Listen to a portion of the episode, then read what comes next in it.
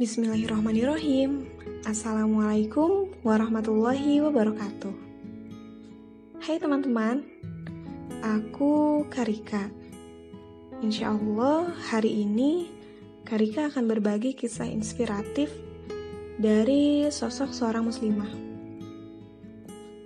yaitu seorang ulama wanita dari kalangan tabi'in. Seperti yang kita ketahui,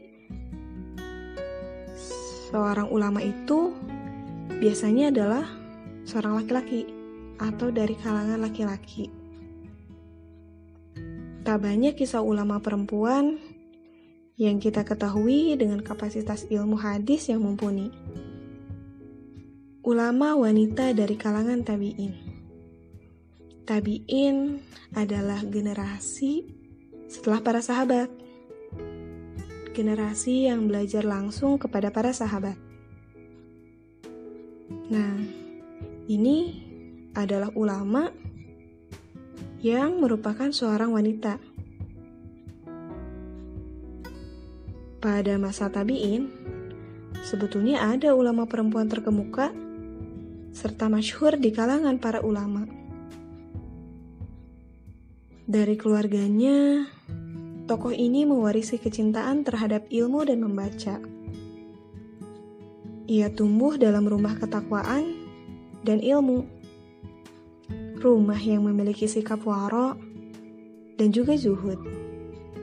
Menjaga dari perbuatan salah dan menggunakan segala nikmat untuk ketaatan kepada Allah. Masya Allah, dari gambaran keluarganya saja, Udah keren ya. Ulama wanita ini adalah alumni madrasah sahabat. Yaitu alumni dari pengajaran para sahabat. Sistem pendidikan yang mempengaruhi dunia dengan nama-nama yang terpatri di langit kemuliaan. Pengakuan akan kebaikan wanita tabin ini diutarakan oleh para ulama.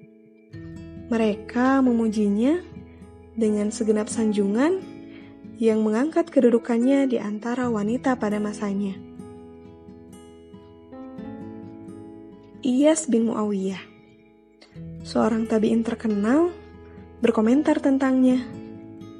Begini, saya tidak bertemu dengan seorang yang saya lebih muliakan darinya. Nah, cukup dengan pengakuan dari Iyas menjadikannya junjungan para tabiin wanita di zamannya. Pada masanya, tak ada ulama wanita yang mampu menandinginya dalam fikih dan juga ilmu pengetahuan. Dialah Hafsah binti Sirin al-Ansariyah al-Basariyah. Ia lahir pada masa Khalifah Utsman bin Affan sekitar tahun 31 Hijriah. Wanita ahli fikih, saudara perempuan dari seorang tabi'in terkemuka, Muhammad bin Sirin. Ayahnya Sirin adalah bekas budak dari Anas bin Malik al-Ansari yang dibeli dari Khalid bin Walid. Sirin menikah dengan Sofia yang sebelumnya menjadi budak dari Abu Bakar As-Siddiq. Jadi, Hafsah itu lahir dari keluarga yang sebelumnya adalah budak. Namun, kalau kita melihat lagi dari potret keluarganya yang begitu mulia, tentunya mendapatkan derajat atau kedudukan yang lebih tinggi ya di hadapan Allah. Hafsah bin Sirin, beliau salah satu perempuan yang banyak meriwayatkan hadis. Imam Nawawi mengatakan, anak-anak Sirin semuanya para rawi yang sikoh, artinya para rawi yang dipercaya sebagai seorang perawi atau perawiannya.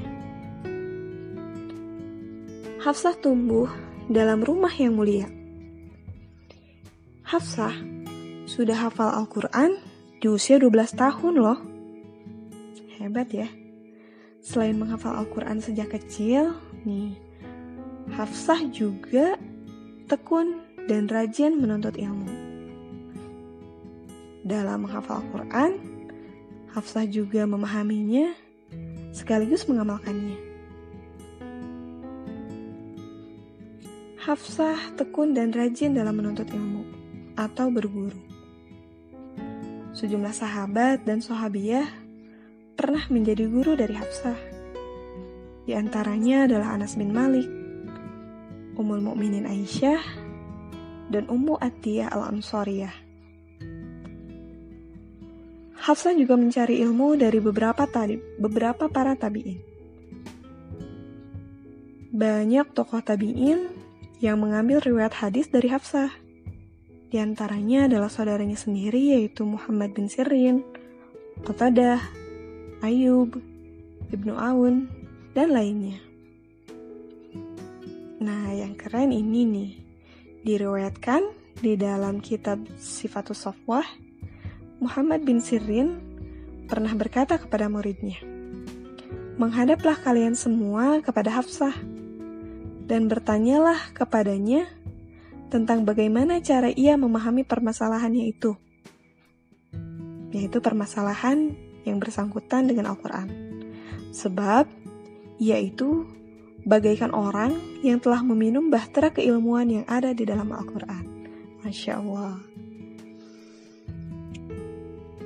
Dalam kehidupannya, Hafsah mengisinya dengan ibadah, agama, kehormatan, harga diri, kemuliaan, dan juga kebaikan. Suatu hari, seseorang bertanya kepada budak wanita Hafsah perihal majikannya.